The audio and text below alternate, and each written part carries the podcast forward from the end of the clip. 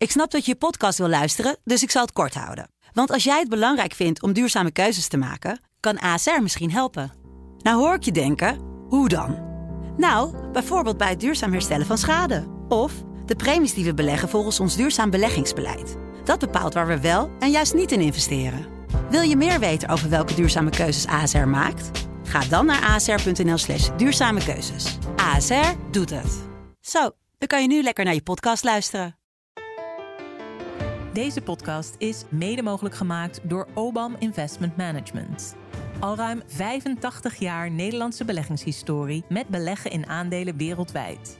Ervaren, actief en met een duurzaam rendement investeren in uw financiële toekomst. OBAM Investment Management, de kunst van het kiezen. Kijk op obam.nl voor meer informatie. Het is ook wel een soort clusterfuck van allemaal dossiers die met elkaar verknoopt zijn. Mensen zijn pessimistisch, zeg. Goedemorgen. Ja, als je het hebt over Martin Visser en zijn glazen bol. Ik bedoel, Mhm. eh, die is best wel mistig, Ja. een glazen bol. Dit is Kwestie van Centen. Een podcast van de Financiële Telegraaf met Martin Visser en Herman Stam. Heel hartelijk welkom allemaal en eh, gelukkig nieuwjaar. Nou, voor jou ook Martin, maar ik had je al eh, even gezien. Je zat al Ja. eh, te lachen voor de uitzending van de innovatie is dat jij het hebt voorbereid. dat is hopelijk zelfspot, want de man heeft geen voorbereiding nodig. Nou. En zeker niet bij dit soort shows waarin we in de glazen bol gaan kijken. Ja. Wat eh 2023 gaat brengen. Eerst even, hoe, eh, hoe was eh, de kerst en oud en nieuw? eh? Ja, wel... Hoeveel strijkers heb je afgestoken? nou, we waren voor mij de, de enige in de straat met categorie A vuurwerk. oh, Dus wij stonden met onze sterretjes te, te zwaaien. Terwijl eh, ja, om ons heen de duurste pi- pijlen lucht in gingen. ja. Ja, ik zit er heel ambivalent in. het, ik ben heel erg voor het vuurwerkverbod. Mm. Maar ik ben ook heel blij dat heel veel mensen zich er niks van aantrekken. Want ja, dat is een beetje, dat is een beetje raar natuurlijk. net. Er waren natuurlijk verschrikkelijk veel ongevallen. En Ja. het is ook allemaal heel treurig. Is vaak voor me wel illegaal vuurwerk. Maar ja, het lijkt me toch heel raar als je straks om 12 uur dat het gewoon doodstil is. Dus eh, nee, maar wij stonden heel braaf met onze sterretjes. eh, te, te, Ik kreeg ook een beetje, dat heb ik niet heel snel, maar zo van, wat zijn we nou allemaal mee bezig, ook qua milieu. Dan zag ik allemaal van die plastic pakketten die opengerukt worden. Mensen vinden het blijkbaar heel normaal met en nieuw om dat gewoon op de straat te smijten. En dan te denken, Ja. dat wordt morgen wel opgeruimd. Ik kreeg opeens een beetje zo'n soort eh, iets Oh, eh, jongen. ja, ja dus, wel- ik heb wel allemaal goede voornemens in 2023 Jemig. Ja, ik om dit soort dingen uit te kramen. Nou, eh, ja, Herman, kunnen veranderen. Herman en het milieu. Nou, Ja. eh, nou, we zijn benieuwd. Nou, Pak- verras me het komende half uur. Pak ik ook gewoon eventjes mee. Ja, En ja, je, hebt, je hebt natuurlijk de luisteraars meegedeeld dat je in Lapland eh, zou Zeker, zitten. Dus daar willen ze natuurlijk ook wel even iets horen. Ben je er aangekomen? Eh, dat was, het, was het leuk? Ik bedoel, je, En het Noorderlicht gewoon zo vaak gezien dat ik op een gegeven moment bijna te lui was om uit mijn bed ervoor te komen. Dat klinkt heel blasé, maar het was gewoon een mega mazzelweek met eh, heel veel Noorderlicht. oh ja. En ik stond met mensen in de rij uit Nederland en die hadden volgens mij de hele week niks gezien eh, toen we terugvlogen. En ik, dat durfde ik niet helemaal te zeggen hoe vaak wij wel niet hadden gezien. En dat Op een ik gegeven moment ging je gewoon, lezen bij, ging je gewoon lezen bij het Noorderlicht. Dat was door het precies. bedlampje. Ja, het geeft heel veel licht. nee, ik had niet verwacht dat het echt zo ronddanst boven je. Ah, dat ja. was heel cool. Ja. En eh, met de huskies rijden. En nou, Hmm. dat is echt onvergetelijk. Je moet alleen eh, een, goede portemonnee meenemen qua inflatie. Wat Ja. daar de drank kost. Want eh, een kerstavondje loopt een beetje in de papieren daar. Ja. Ja. Ach ja, nou ja. Even kijken. Op het eind hebben we allerlei eh, mededelingen. Om het een beetje lekker spannend te houden voor mensen. Maar we gaan eerst eens eventjes gewoon voorbeschouwen op het, op het Ja, jaar. Waar, waar even, een beetje algemeen. Want we gaan een paar punten behandelen. De, de huizenmarkt uiteraard. Want daar hebben we altijd veel fans die daar allerlei dingen van willen weten. Ja. De inflatie, de gasprijzen. Eh, en de arbeidsmarkt. Maar Mhm. wat denk jij nou? eh, wat voor een jaar, de, de- de afgelopen jaar een beetje een jaar een mineur met eh, Ja. crisis op crisis. Ja. Gaat er een beetje wat zonnestralen komen? Ja, nou, dat vind ik best wel lastig. Ik bedoel, ja, als je het hebt over Martin Visser en zijn glazen bol. Bedoel, eh, die is best wel mistig. Ja. Een glazen bol.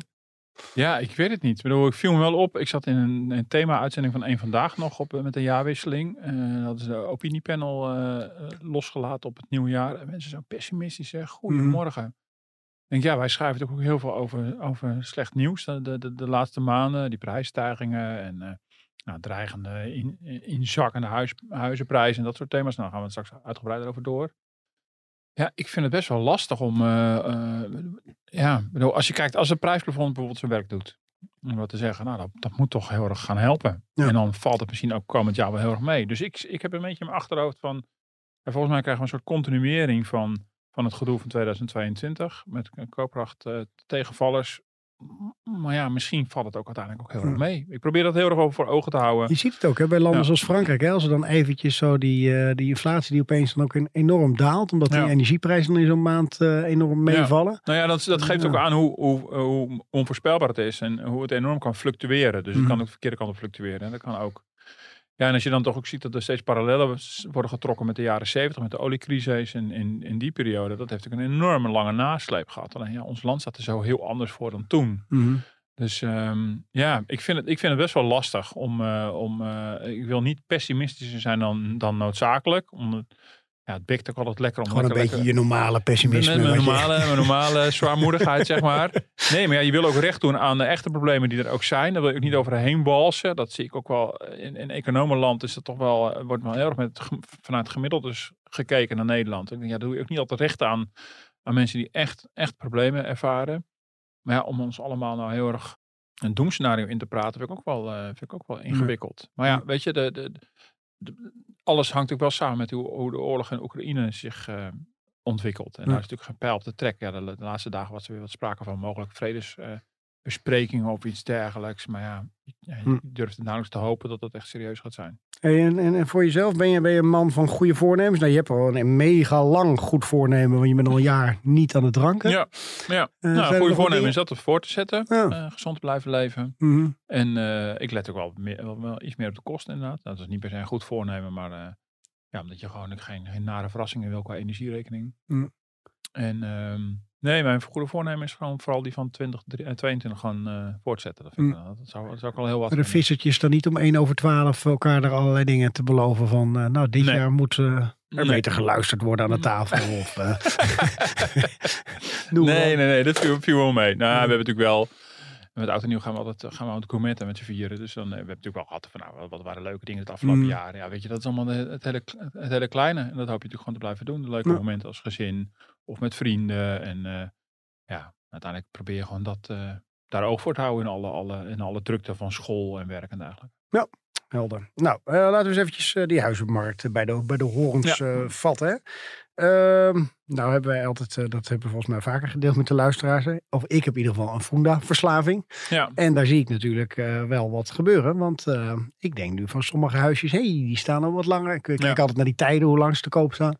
En ook dat je ze dan op een sneaky manier weer opnieuw aangeboden ziet worden. Met eh, inderdaad een behoorlijke prijsdaling. ja, dat zie ik inmiddels ook. Ondanks mijn, eh dan- omdat ik geen verslaving heb. Maar ik volg Ja, je wel, kijkt ja. ook wel. Nou, je, je Ja. was sowieso wel een beetje aan het rondkijken Ja, we voor zitten een te huizen. dubbel of we al dan niet eh, gaan, gaan verhuizen. Maar daar zijn we niet helemaal over uit. Maar, eh, ja, Is dit dan- het moment? Laten we daar eens mee nou beginnen. ja, nou kijk. Ik, vlak voor de jaarwisseling heb ik Klaas Knot geïnterviewd. De, de baas van de, van de Nederlandse Centrale Bank. En hij, ehm, eh, ook de Nederlandse Bank, gaat inmiddels ervan uit dat, er gewoon, dat de, de, de huizenprijzen gaan dalen. Ehm er zit 6,5% over twee jaar tijd. Ehm, en je ziet het nu ook al gebeuren. Als je gewoon naar de, naar de maandcijfers kijkt. Volgende week komen er weer nieuwe cijfers van NVM. Dan zie je dat ook al gewoon gebeuren. In de jaarcijfers zie je dat nog niet helemaal. Maar in de maandcijfers en kwartaalcijfers zie je dat al gewoon gebeuren. En hij, Klaas Knot, kleedt dat vrij positief in. Van, nou, het waren ook zulke absurde stijgingen van prijzen eh, de afgelopen tien jaar. Daar mag ook best wel een beetje wat van af. Eh, sinds 2013 het dal naar, naar nu is het grofweg verdubbeld, de huizenprijzen. Nou, dat slaat ook echt helemaal nergens op. Mm. En dat voelt iedereen aan. Ook iedereen die papieren winst heeft geboekt met zijn huis. Nou, eh, allemaal leuk en aardig, maar dat, nou goed, Mm. eh, absurd. Maar, ik bedoel, het kan best zo zijn dat een kleine prijscorrectie niet zo heel erg is. Maar dat maakt je wel meteen heel erg als huizenkoper heel erg onzeker. Kijk, als jij gewoon zit waar je zit en je hebt het naar je zin en je wil niet weg, dan is er natuurlijk verder niks aan de hand. Eh, maar als je huis wil gaan kopen, is dat wel heel lastig. Omdat je natuurlijk heel erg zit, dus dat merk ik nu ook, dat we zitten te dubben. Gewoon ook, we weten helemaal niet of, of we iets willen gaan kopen. Maar ik denk, oké, maar in welke volgorde doe je het dan? Het idee van eerst kopen, dan verkopen, dat is al tricky. Dus je wil- Mhm. moet dan eerst verkopen, dan kopen. Ja. Eh, wat staan we precies te wachten? Stel dat, het niet, dat ik al wel iets heb gekocht en ik kom niet van mijn oude huis af. En in de tussentijd dalen die prijzen heel hard. Dus Mhm. weet je, het voedt de onzekerheid. Dus puur macro bezien. Je kan zo'n clausule erin doen, hè? Dat je dan eh, zegt van, eh, maar eh, ik wil wel mijn eigen huis verkocht hebben de binnen de komende zes ja, weken. Nou ja, Maar ja. nou ja, goed, dan moet je zien of het geaccepteerd wordt. Nou, gaan, gaandeweg. Dat bedoel, je ziet nu, nou, we hadden van de week een verhaal van collega Pieter R. van Doorn, die ook vooruitblikt. En dan zie je ook wel aan dat nu de, de, de, de eisen van beide partijen ook nog wel eens botsen. Hij had een aantal makelaars gesproken. Dus dat, dat tekent voor me ook het kantelpunt. Hm. Dat, eh, en ik kan me ook voorstellen dat dit er ook zo eentje is. Dat eh, de, de, de, bijvoorbeeld de, de kopende partij denkt, van, ik kan makkelijk nog iets van die prijs af. Terwijl de vragende partij eh, nog in de stand staat van, oh ja, maar er werd toch over de vraagprijs heen Ja. geboden. Weet je, en als je, dus die verwachtingen moeten nog met naar elkaar toe gaan komen. Nou, dat kan me ook al op allerlei aanvullende voorwaarden kan ik me dat ook voorstellen. Eh, het lijkt mij overigens als ik mijn huis verkoop ook heel ingewikkeld aan, aan, aan de toekomstige to- koper toe te zeggen dat het alleen maar doorgaat als hij van zijn huis af is. Want zo, Mhm. het is ook een heel Ja, treintje. blijft er moeten, ja, precies, Ja, dan komt ja. het treintje dus nooit op gang. Dus Ja. daar, zit, daar zit wel een probleem. Het voedt dus wel onzekerheid voor mensen die al in een huis zitten en een nieuw huis willen kopen.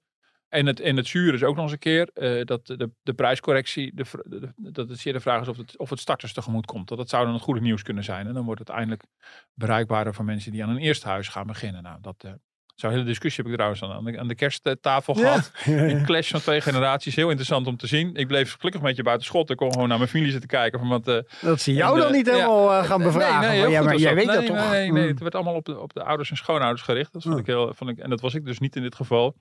Dus het waren... eh, En je dacht, ik help die mensen niet eventjes een Nee, beetje ik met denk, wat kijken wat er gebeurt. vergezichten. Nee, heel interessant. Familie van eind 20, die ziet ze van ja, wij kunnen van gekkigheid niet fatsoenlijk aan een, aan een koophuis komen.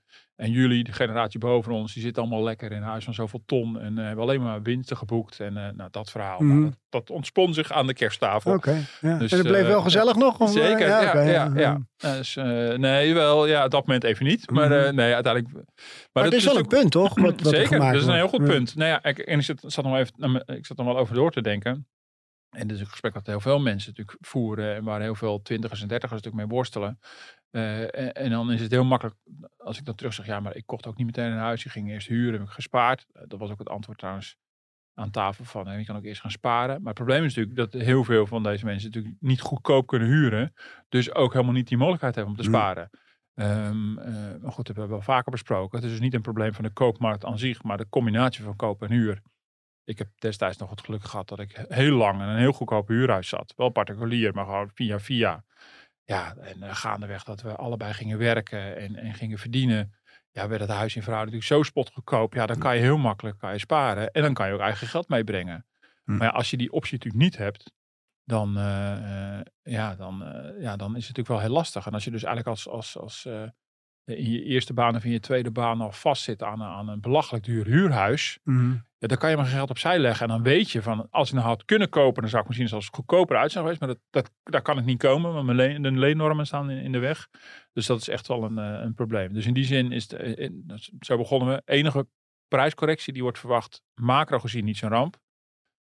Maar de problemen van de woningmarkt zijn er niet meer Hm. opgelost. En zei je ook niet even lekker aan de kersttafel van eh, jullie jonge lui willen veel te snel, eh, veel te veel van alles. Eerst maar eens eventjes gewoon een aantal jaren werken. Ja. En, eh, Nou ja, kijk, dat is, dat is zeker. Dat, dat kan ook een antwoord zijn. En dat, dat denk ik dan ook wel. Van, eh, ehm, eh, ik heb vrij laat mijn, mijn eh, eerste huis gekocht. Eh, dus, dus het hoeft niet allemaal eh, op je 28e allemaal helemaal gefixt te zijn. Maar dan moet je wel vooruitzicht hebben dat je ook in die jaren dat je nog aan het huren bent, dat, dat je ook een soort van kan investeren. En als, als dat gevoel natuurlijk niet is. Maar ja, het is, het is, ook- het is ook een generatiedingetje. Bedoel, er gingen dingen over tafel als. eh, nou, ik vind het een beetje zonde om, om allemaal geld op te maken aan huur. Dat is een beetje zonde van mijn geld. Er zit ook wel een fixatie met het kopen Mhm. zit erin. En dan, nou, dan kunnen wij als oude lui aan tafel terug zeggen van ja, maar eh, het is, het is ook, het koophuis is ook niet heilig. Of eh, misschien ben je nog een beetje jong. Allemaal heel erg waar. Maar ik denk wel dat, dat de jongere generatie gelijk heeft. Dat het perspectief is dadelijk wel anders. De huismarkt is voor hun echt geëxplodeerd. En steeds ontoegankelijker geworden. En, en de uitweg van een, van een goedkoop huurhuis, om daar eens even een jaar of vijf te gaan wonen eh, en dan flink te verdienen en geld opzij te zetten, dat is er lang niet altijd. Hey, en als we dan toch even die, eh, dat glazen bolletje van Visser eh, in ogenschouw nemen. de, de, zie je dan iets gebeuren? We hebben natuurlijk Hugo de Jonge die dit dossier probeert vlot te trekken. Nou, Ja. dat gaat ook nog niet echt helemaal lekker. Nee. Maar wat staat er dan in eh, 2023 te verwachten op dit dossier? Ja, nou ja, helemaal, toch. helemaal niks. Ja, nou, tu- natuurlijk, ik hoop wel iets. Kijk, Hugo de Jong heeft natuurlijk vanuit het regeerakkoord heeft natuurlijk plannen gemaakt om, eh, om eh, nou, bijna een miljoen huizen te gaan bouwen in de komende tien jaar. Dat is ongeveer 100.000 per jaar. Dat is gro- grofweg eh, de, de bedoeling. En hij heeft ook al een plan uitgerold over de provincies. En dus precies per provincie aangewezen hoeveel huizen daar moeten komen. Dus, dus in die zin, die voorbereiding die loopt. Maar je hoort en je ziet natuurlijk aan alle kanten dat er heel veel sceptisch is of het allemaal haalbaar is. Want ja, de, eh, ja, het is ook allemaal verknoopt ook met het stikstofdossier. Hm. Je hebt natuurlijk ook de personeelstekorten aan, aan, aan de bouwkant. Dus ja, je kan het allemaal wel willen. En je zult ook die plannen moeten maken, want anders gebeurt er überhaupt niks. Maar de vraag is of het allemaal, eh, of het allemaal te, bij tijds te realiseren is. Ja. En, ehm, ja, en ik moet zeggen, ja, de, plannen die nu uitgerold worden verschillen ook niet heel erg van de plannen die, die de vorige minister Ollongren al had. Uh, ze wordt natuurlijk heel veel verweten dat ze te weinig daadkracht had. Nou, in het laatste, het laatste deel van haar termijn eh, in het vorige kabinet begon ze ook met dit soort plannen. Dus op zich is dat allemaal niet nieuw. Dus de vraag of, of eh, nu er een nieuw poppetje zit, dat het ineens allemaal anders wordt. Ja. En er lijkt eigenlijk nog wel meer druk op te zijn gekomen, toch? Met de toename van de bevolking in Nederland. En dat je denkt van, waar laten we iedereen eigenlijk? Ja, ja zeker. En, ehm, Want, want was dat verwacht? Ik weet wel dat het verwacht was dat het zou groeien. Maar je krijgt Ja. nu weer de laatste tijd wat nieuwe CBS-cijfers. Ja. Waar het toch wat harder gaat dan. dan ja, er waren eh, 227.000 eh, mensen. ver- De, de, bevolking is gegroeid met 227.000 in een jaar. En eh, dat moet wel gezegd daarvan, dat is ongeveer 100.000 is Oekraïners. Hm. Dus dat verklaart de exceptionele groei. Eh, dus inderdaad, de immigratie is een grote factor eh, in, in de bevolkingsgroei. En dat is natuurlijk wel daadwerkelijk een probleem, want je moet het ook allemaal wel kunnen ver- verhapstukken. En daar speelt de woningmarkt een grote rol in. En niet voor niks dat het kabinet eh, pogingen doet om het asielbeleid wat strenger te maken. Met, rondom gezinshereniging. Nou, dat gaat allemaal helemaal nat bij de rechter. Mhm. Maar dat kan vanwege internationale verdragen helemaal niet. Maar ook met de gedachte, ja, maar we kunnen alle mensen helemaal niet huisvesten. Dus ja, je ziet nu op alle fronten natuurlijk het, het- het overheidsbeleid helemaal vastlopen. En ik zie nog geen ei van Columbus. Ik denk dat het niet dat het er is. Mhm. Ik ben bang dat het gewoon tijd kost voor je één voor één al die dossiers hebt losgetrokken.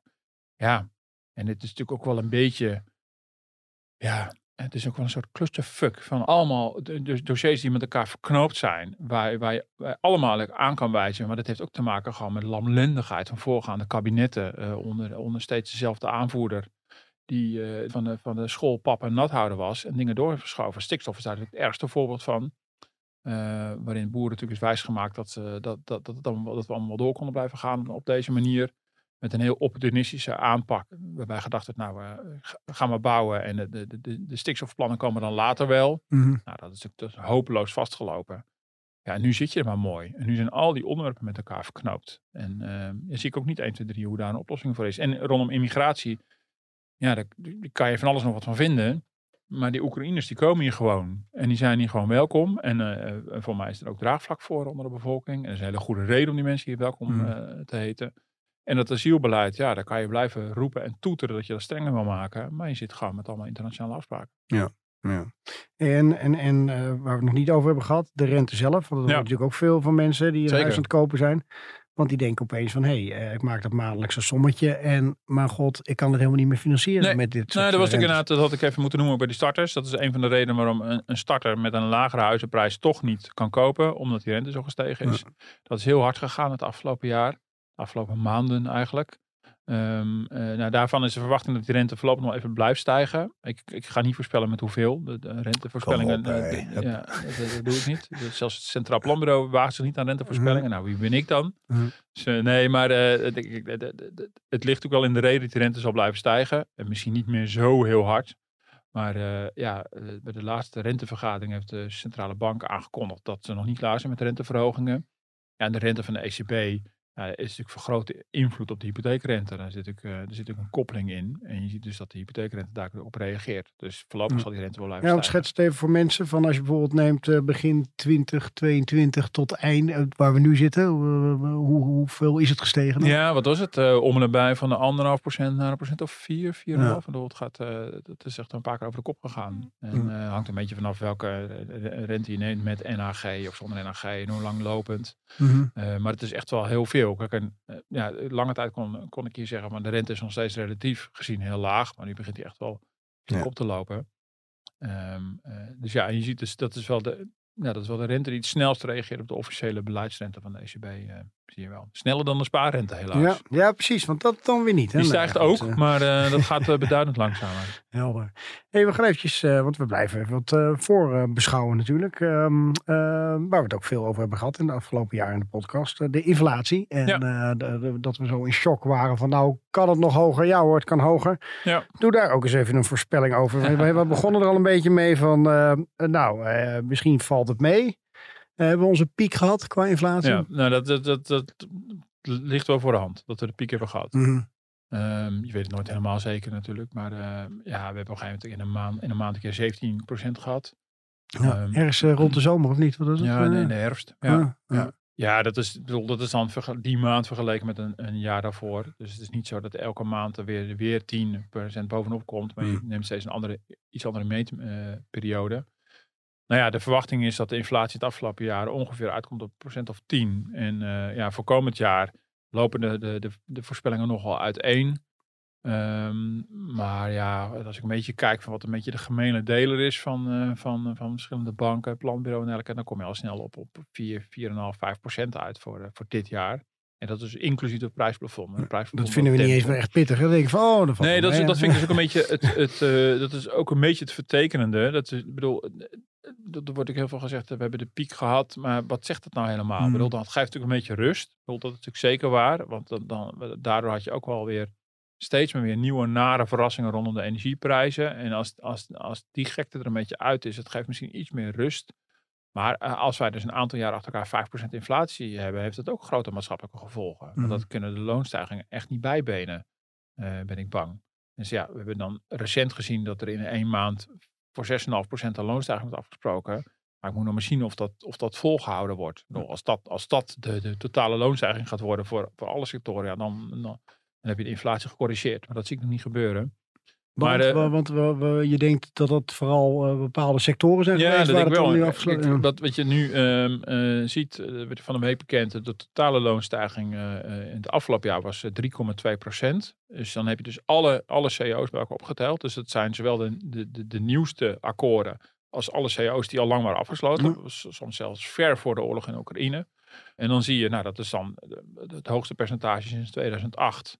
Dus het is niet heel historisch, maar het is al wel lang geleden dat er zo ruim boven de 3% staat over een heel jaar. Mhm. Nou, en de verwachting is wel dat die loonstijging wel, wel redelijk door gaat zetten het, het komend jaar.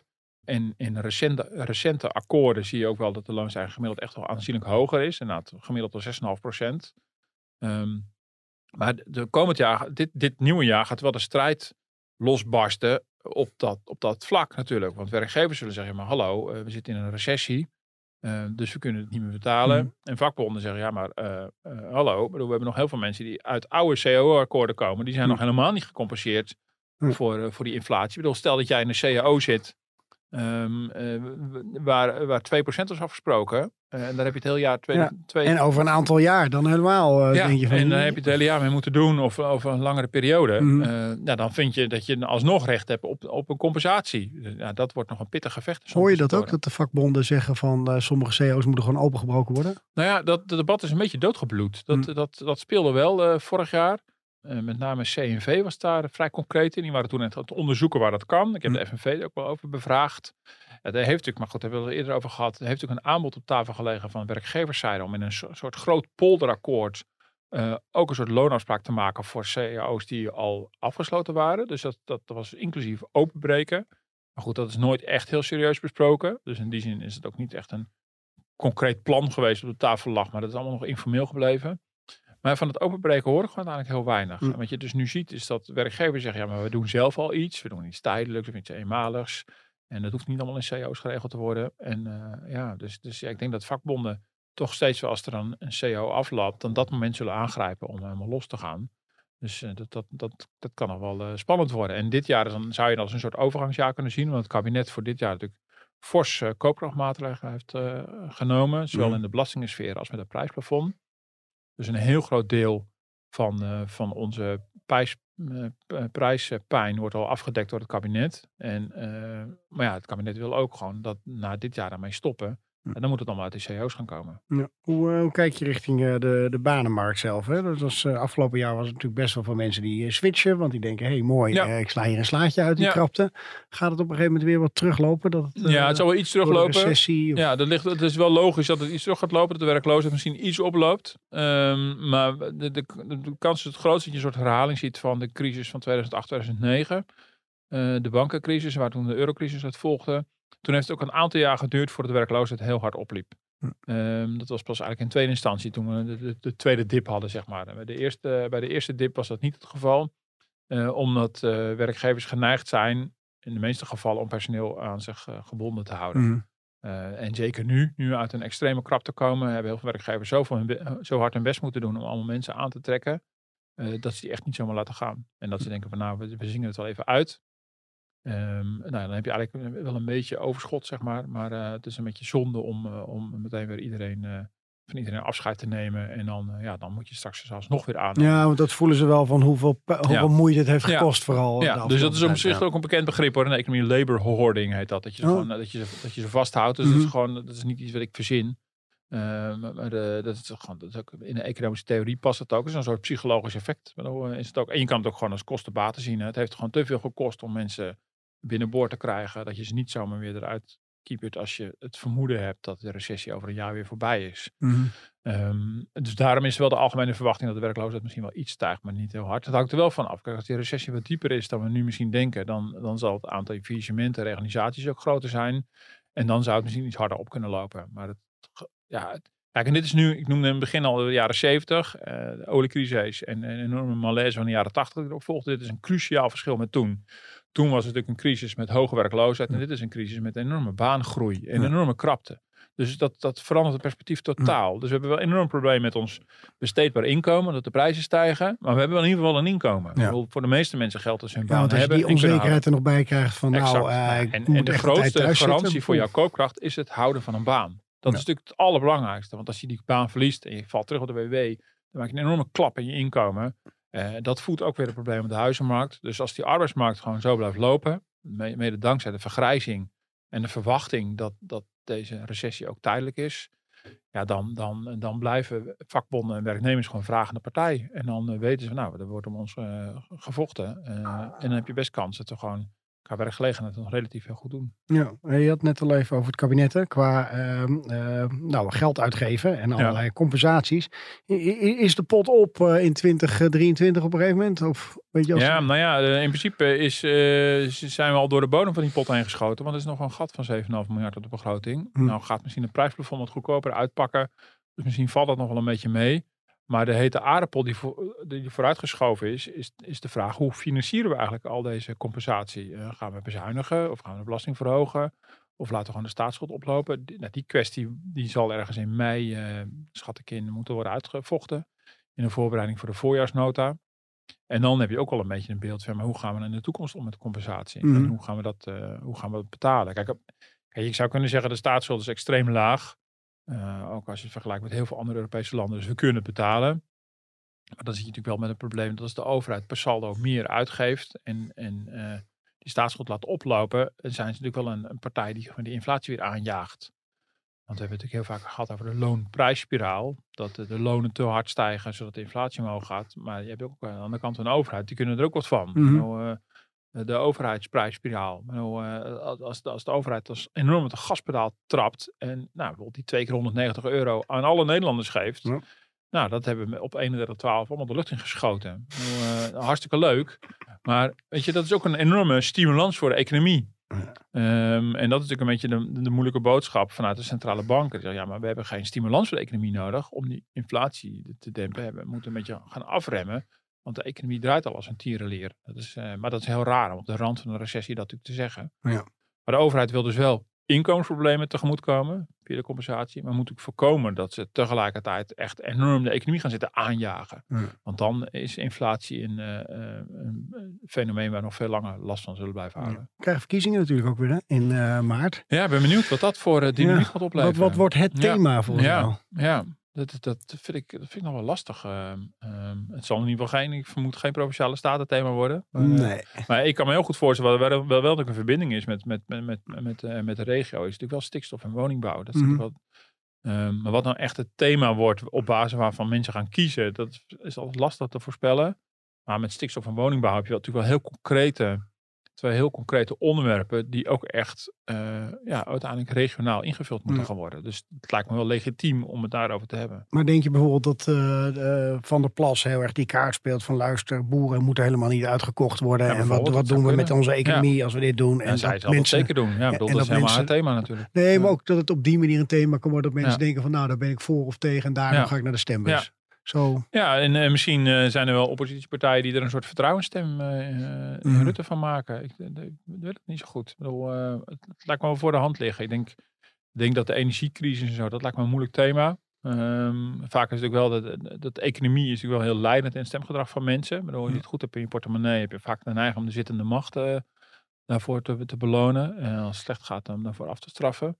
Ehm, maar ik, ja, als je gewoon kijkt wat gewoon dominant is geweest de afgelopen jaren, is dat toch uiteindelijk toch stikstof. Eh, is dat toch een beetje de, ja, hoe zeg je dat? Eh, het symbool geworden van, eh, van, ehm, van ons sentiment richting de politiek. Ja. Dus ik kan me voorstellen dat de oppositiepartijen dat heel erg uit gaan spelen. En nog een paar kleine dingetjes voor eh, 2023 verwacht je. We hebben natuurlijk ook een paar jaar gehad met hele grote bedrijven die ons land hebben verlaten. De, gaat die uitstroom door? Nou, de bedrijven die daarmee speelden, die hebben dat uiteindelijk natuurlijk gedaan. Hè? Unilever en, en Shell en op een gegeven moment ook DSM. Met het Mhm. hoofdcorridor naar Zwitserland eh, verplaatst.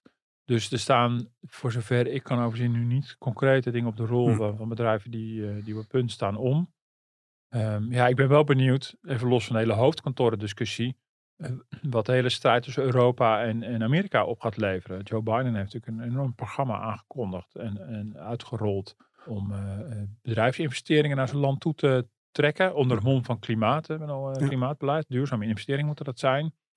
Ja, de grote zorg vanuit de Europese Commissie, en dat, daar sprak ik ook bij VNO Ingrid Thijssen over, ook vanuit Nederlandse werkgevers, is dat daardoor heel veel bedrijven toch, toch, toch heel gaan kijken van, dan kunnen we iets in Amerika wat we anders in Europa zouden hebben gedaan. Ja. Dus het hoeft niet altijd per se het hoofdkantoor te zijn. Hè. Het gaat ook om van, waar doe je investeringen, waar ga je uitbreiden, waar, waar- welke productie doe je waar. Dus dat wordt wel, eh, dat wordt ook wel een cruciaal iets, denk ik, dit, dit, dit komend jaar. Eh, Hm. Misschien eh, sommige mensen die dachten dat na Trump eh, het hele America First voorbij zou zijn, die- die- dat, dat blijkt natuurlijk een illusie. Want Biden Ja, is natuurlijk net wordt op een andere manier verpakt, maar het is eigenlijk precies dezelfde boodschap. Ja, ik bedoel, het is in ieder geval een man waar je mee kan praten. Eh, Hm. Is een beetje normaal in ieder geval. Maar gewoon het idee dat, dat Amerika en China echt gewoon voor hun eigen economische regio opkomen. Ja, dat is natuurlijk wel heel erg duidelijk. En dat zit helemaal Hm. in het beleid. Dus daar moeten we echt, eh, echt wel goed op gaan letten. Denk, denk je niet sowieso, weet je, mensen hebben natuurlijk door die coronajaren zijn ze heel erg eh, wakker geschud van, hey, productie in eigen land is wel handig Ja. als alle grenzen dicht gaan. Ja, Dat dat ook een heel thema wordt voor 2023. Ja. Dat Nederland kan zorgen dat we zelfvoorzienend weer eh, ja dat worden. viel me wel op. Dat was wel eh, een argument dat Ingrid Thijssen, dus de voorzitter van, eh, van de Nederlandse werkgevers, ook aanvoerde. Het, het ligt altijd een beetje moeilijk. Maar eh, eh, dat is wel een van de lessen van de coronacrisis was inderdaad van... eh, ze moeten ervoor zorgen dat we bepaalde cruciale producten wel in, in eigen regio maken. Dat hoeft niet per se in Nederland te zijn, maar kan ook in Europa eh, zijn. En dat heeft bijvoorbeeld eh, met mondkapjes of eh, met medicijnen te maken. En hier zou dat op zich ook kunnen spelen. Als je een bepaalde basisindustrie deels zou kwijtraken aan Amerika, ehm, dan, dan, ja, dan word je wel weer afhankelijker van een andere regio. Ehm, ehm, maar tegelijkertijd zie ik ook wel, ja, in Europa is dat niet heel snel de neiging om, om daar heel protectionistisch in te zijn. Dus wij zitten wat anders in elkaar dan, dan China en Amerika, die veel meer heel erg opkomen voor hun eigen, voor hun, voor hun eigen belang en ja, daar minder moeite mee hebben. En het zit al helemaal niet in het Nederlandse politieke denken. Maar dat speelt ook wel een rol. Uh, dus dat is een andere soort discussie dan uh, raak je met een Shell of een Unilever een vlaggenschip kwijt. Mhm. Of een, een, een, uh, iets waar je trots op kunt zijn. En dit gaat om, dit is veel platter zeg maar. Van, moet je bepaalde, moet je bepaalde industrie, bepaalde producten, dingen waar we allemaal van afhankelijk zijn, niet in onze eigen regio hebben. Dus Ja. wellicht is dat een dimensie die nog meer gaat spelen dan het heeft gedaan tot nu toe. Helder. We hebben de rondvraag nog. Een mooie belletje. Ja, want dan val ik meteen met de deur in huis. Ik zei al, er zijn mededelingen. 2023 eh, gaat voor mij in ieder geval een ander jaar worden. Ja. Ik ga iets heel erg missen, want we gaan de podcast niet meer samen opnemen. Want ik ga stoppen bij de Telegraaf. Ja, En voor mezelf beginnen als ondernemer. Al die woorden die ik altijd tegen je zeg van... eh, hebben we wel genoeg gelet op de ondernemer? En eh, toch, probeer ik ga zeker. het allemaal zelf ondervinden nu. Ja. En dan eh, misschien tegen jou klagen van... weet je wat jij eens in de podcast moet bespreken? Ja. Ja, nou dan klaag ik gewoon terug van, weet je wie jij zou moeten sponsoren? ja, jullie. nee, dus er komt een einde aan. Ja, ontzettend jammer, Herman. Ja, ik ja, ik wist het natuurlijk al even. We hebben de luisteraars nog niet meegedeeld. Maar Mhm. ehm, ja. Dus eh, we gaan richting een, eh, het einde van deze samenwerking. Ja, we hebben volgende week eh, Robert Ophorst. Die met jou de podcast gaat opnemen. Ja, want ik moet beetje- vakantiedagen opnemen. Dat Ja. moet ook allemaal in zo'n laatste maand. En dan de afscheidspodcast. die, zeker weken. niet in mijn teken staat, verre van. Maar dan gaan we gewoon nog wat leuks verzinnen. Om, En wat, wat ga je precies doen? Ik ga een eigen communicatiebureau beginnen met een vriend samen. Hij heeft al een lobbykantoor in Den Haag. En ik ga hem daarbij helpen om het communicatiedeel te verzorgen. Dus eh, ik word eindelijk serieus genomen in mijn familie. Want dat zijn allemaal ondernemers. En die Ja. vonden mij maar een loonslaaf. En Ja. nu, eh, nu kan ik eigen geld eh, gaan proberen te gaan verdienen. Maar ik vond al wel meteen, dacht ik, oh, ik was dat allemaal dingen te regelen qua rekeningen openen voor zo'n BV. En wat een gedoe allemaal. En dan, nou ja, dat ga ik toch even lekker hier zeggen. Wie weet krijg ik daardoor iets meer medewerking van sommige banken. Rabobank onder andere. Ja. Maar eh poe, poe, poe. Naming en shaming. Ja hoor. Ja. Maar eh, nou, wat mij vooral meer om ging, is ik denk dat zij er ook zelf niets van kunnen doen. Maar er zitten zoveel controlesystemen in die denk ik door de overheid gewoon zijn opgelegd. En dat je echt soms wel eens snapt, we hebben heel veel ondernemers hier aan het woord Ja. altijd gehad. Ja. Dat je denkt, nou, ik snap die verzuchting soms wel. Maar goed, we gaan met, eh, met goede moed eh, gewoon door. Het is nu al niet meer leuk om te ondernemen. Nee, dat is niet het leukste deel van ondernemen, denk ik. Eh, Tenminste, als je dat leuk vindt, dan moet je helemaal geen ondernemer worden. Maar goed, Ja, kijk, maar ja, je telegraaf is natuurlijk lean en mean, hè. Dus eh, als Ja. wij vandaag iets verzinnen, is het vanmiddag gemaakt. Maar eh, ja, straks is het over. precies. Ja. Nou ja. Maar ik ga het heel erg missen. En, eh, maar we gaan er over twee weken nog wel eventjes verder Ja, over hebben. nee, over twee weken gaan we een hele sentimentele podcast maken. Ja. Tranen, en dan, tuiten. Nodig mijn hele familie uit. Nou ja, dat hoeft dan ook weer niet. Maar, ja. Nee, komt goed. Maar had jij nog iets voor de rondvraag? Eh, ik vind het al... eh, Dit is mooi, Het, ik, vind het al, ik vind het al heel Dan wat. pakken we over Ja. twee weken nog één keer eh, de vogeltjes voor je mee. eh, om- Ja. Gewoon omdat ik het altijd zo leuk vind. Ja, is goed. Oké. Bedankt voor het luisteren. Ehm, blijf e-mailen gewoon, want dat eh, e-mailadres gaat ook gewoon door. podcast.dft.nl Ja, en, de podcast gaat ook gewoon door. Hè? Ja, nee, Dus, ab- absoluut, dus, natuurlijk. Zeker. Kom we op, zoeken de, een, de een ster nieuwe- van de show is er gewoon nog. Dus eh, we gaan gewoon dus iemand we zoeken zoeken een nieuwe, een nieuwe invulling. die een beetje, en, eh, gewoon een ja. beetje onnozele vragen kan stellen. Nee, we gaan Herman gewoon compleet overbodig maken. zo is het. Ja. Dat lukt makkelijk. Bedankt voor het luisteren. En tot over twee weken wat mij betreft. En Martin is er dus gewoon Ja, volgende week. en tot volgende week.